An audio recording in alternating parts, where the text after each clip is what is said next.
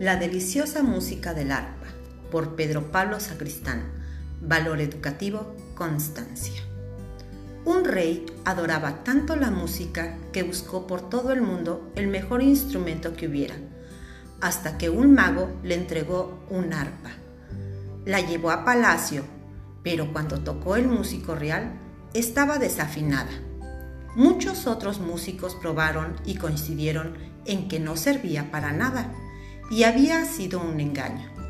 Así que se deshicieron del arpa tirándola a la basura. Una niña muy pobre encontró el arpa y aunque no sabía tocar, decidió intentarlo. Tocaba y tocaba durante todo el día, durante meses y años, siempre desafiando, pero haciéndolo mejor cada vez, hasta que un día, de repente, el arpa comenzó a entonar las melodías más maravillosas, pues era un arpa mágica que solo estaba dispuesta a tocar para quien de verdad pusiera interés y esfuerzo. El rey llegó a escuchar la música y mandó llamar a la niña.